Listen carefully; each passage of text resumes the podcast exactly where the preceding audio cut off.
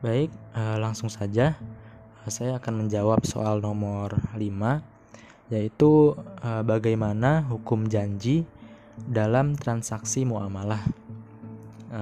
Baik, kali ini saya merujuk pada ensiklopedia jual beli dalam Islam yang disusun oleh Ustadz Deden Kushendar tahun 2010 Langsung saja uh, saya akan jawab.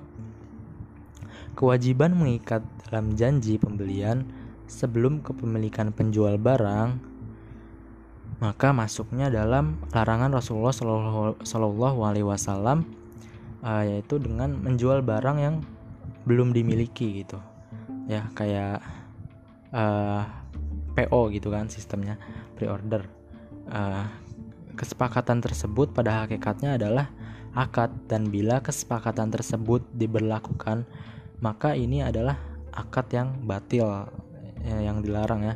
Karena uh, lembaga keuangan ketika itu uh, menjual kepada nasabah sesuatu yang uh, belum dimilikinya ya. Jadi uh, contoh di sini nih ketika zaman Rasulullah uh, ada seorang yang uh, dia tuh menjual tapi barangnya itu belum ada sama dia gitu kan.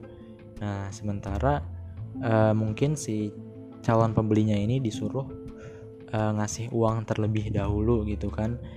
Nah kan kalau otomatis kalau udah ngasih uang duluan kan itu si penjualnya otomatis dia punya janji kalau barangnya itu sudah sampai maka uh, barangnya akan uh, diberikan kepada si pembeli tadi tapi karena ini barangnya belum sampai jadi ini bentuknya hanya masih janji ya dan ini belum termasuk akad.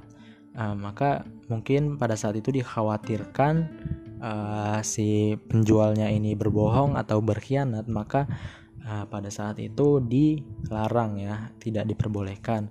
Uh, namun sekarang kita bisa lihat banyak juga yang uh, e-commerce atau penjual-penjual online yang menerapkan pre-order tapi uh, sama-sama belum bayar gitu kan. Jadi hutang dibayar hutang si pembeli maupun si penjual uh, belum memberikan apa-apa. Hanya sekedar pesanan dan itu tentunya diperbolehkan karena tidak ada pihak yang merasa dirugikan.